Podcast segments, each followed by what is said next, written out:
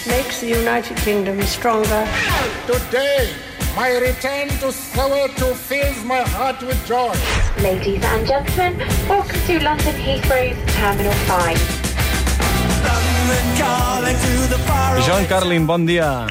Bon dia, Joan. Acabem l'any amb un obituari, eh? el de Son Arantes do Nascimento... O sigui, amb, amb Pelé, amb Pelé. Aquest, eh, En Pelé, vaig Pelé, llegir no un- lo compliques, no lo compliques. Mira, de fet, ara m'ha vingut al cap un tuit que, que em va agradar molt, eh, que deia ha mort Edson Arantes do Nascimento perquè Pelé és immortal. I aquest és una mica el resum, no?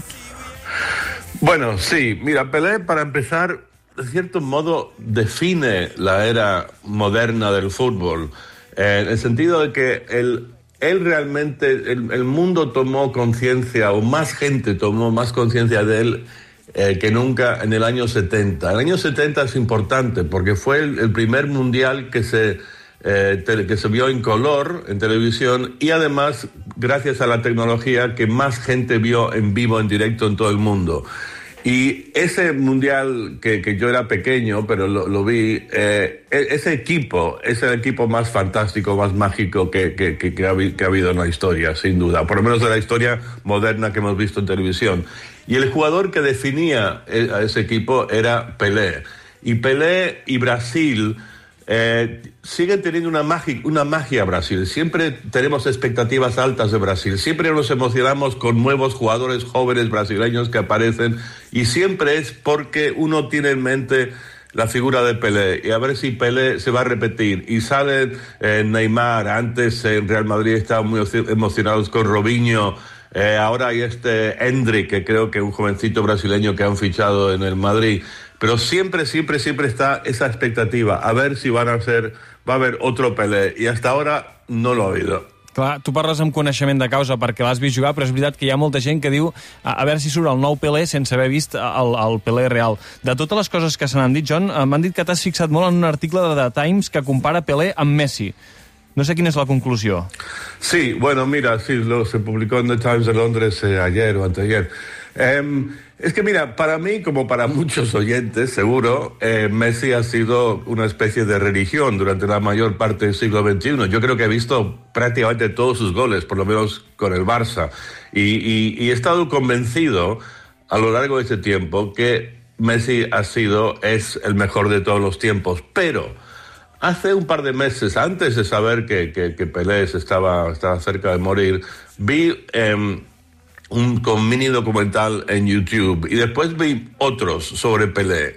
Y he llegado a la conclusión, y yo sé que esto es muy debatible y hay diferentes épocas y todos, pero yo he llegado a la firme conclusión de que, de que Messi, de que, perdón, de que Pelé es mejor que Messi, es mejor que cualquiera. Y en esto me respalda una figura importante, que es César Luis Menotti, el gran gurú del fútbol argentino, súper admirador de Messi, pero que él, que, que realmente vio a Pelé, él dice que sí, que, que Pelé no se puede comparar con, con nadie más, estaba en otro, en otro nivel. Y si quieres te explico por qué pienso que Pelé era, era, era millor. Mira, es que ha habido este, este, este debate ridículo en los últimos años que si Messi o Cristiano Ronaldo. O sea, cualquiera que sabe mínimamente de fútbol sabe que Messi está eh, en otra órbita, que en otro, otro nivel que Cristiano Ronaldo. Pero el tema es que Pelé era la combinación de, los dos. Mira, si Messi tiene una debilidad, es que no patea muy bien con, con el pie derecho. ¿Cuánto, ¿Cuántas veces hemos visto a, a- a Messi marcar un gol desde fuera del área con el pie derecho? Yo creo que muy pocas veces, por no decir nunca. Pelé era igual de potente con ambos pies. Es cosa que es tan inusual, igual de potente. Tenía la misma capacidad de regate que Messi, tenía la visión de pase de Messi y también otra cosa que tenía Cristiano, que tiene Cristiano Ronaldo, quizá tenía, es que era buenísimo eh, de cabeza Pelé. Tenía algo en, en los talones que le hacía saltar altísimo. O sea, combinaba todas las virtudes de, de- de- de Messi y de Cristiano en una persona, más ese punto de magia brasileña. También tenía ese toque de, fantasía de Ronaldinho. O sea que sumas a Messi, a Cristiano Ronaldo y a Ronaldinho y tienes a Pelé. Clar, a- ara et posaré uns altres uh, tres noms. Uh, clar, ja no tenim ni Maradona, ni Cruyff, ni Pelé. Això vol dir que el futbol del segle XX ha mort? Perdó, repite esa pregunta, perdó, no, no, no, no dic, dic que les tres grans eh, figures, o tres de les grans figures del segle XX, Maradona, Cruyff i Pelé, ja no hi són. D'alguna Sí. manera s'ha acabat el futbol del segle XX. Bueno, eh, sí, pero, pero, pero como tú dijiste al principio, eh, Joan, Pelé es inmortal, que siglo XXI, siglo XX son, son números.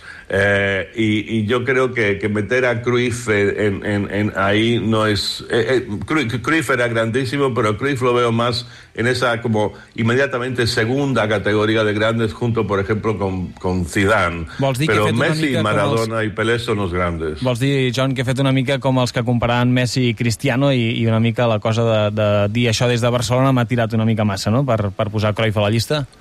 Sí, sí, sí. Pero mira, yo, yo quiero insistir, yo, yo, yo lo que recomiendo a la gente es que haga lo que yo he hecho, que es se vaya a YouTube, que es ese tesoro de, de- memorias, de recuerdos de, de la vida que hay, inclusive del fútbol. Y hay montones de material sobre Pelé. Y, y hagan, y, habrá gente que está escuchando esto y pensando, está diciendo tonterías, que aparte era epo- otra época, que el juego era más lento, qué sé yo. Eh, que, que lo vayan a ver y, y después que, que, que me hablen. Doncs eh, és la recomanació d'en John Carlin per acabar l'any, mirar vídeos de Sí. Pelé a YouTube. La seguirem, John. Arribarem a les 9 amb una cançó d'un altre dels déus brasilers, Caetano Veloso. Que tinguis una molt bona entrada d'any. Igualmente. Tua pele, tua luz, tua juba. Gosto de ficar ao sol, leãozinho, de molhar minha juba.